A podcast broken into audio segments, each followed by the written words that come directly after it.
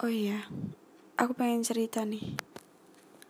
Jadi kan kelas 12 ini kelas terakhir di SMA. Kebetulan, pas zaman kami nih, nggak ada yang namanya perpisahan. Jadi menurut kamu gimana?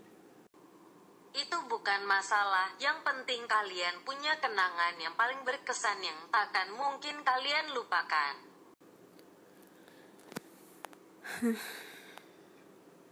Aku belum siap tahu pisah sama teman-temanku.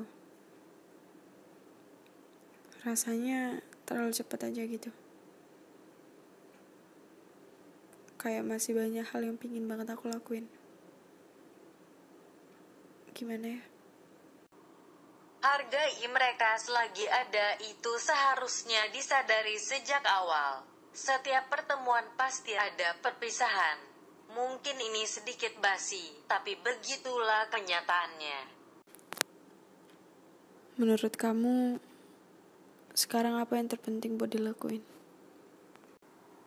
Ungkapkan semuanya, ucapkan terima kasih dan jangan lupa meminta maaf untuk semua yang mungkin pernah terjadi.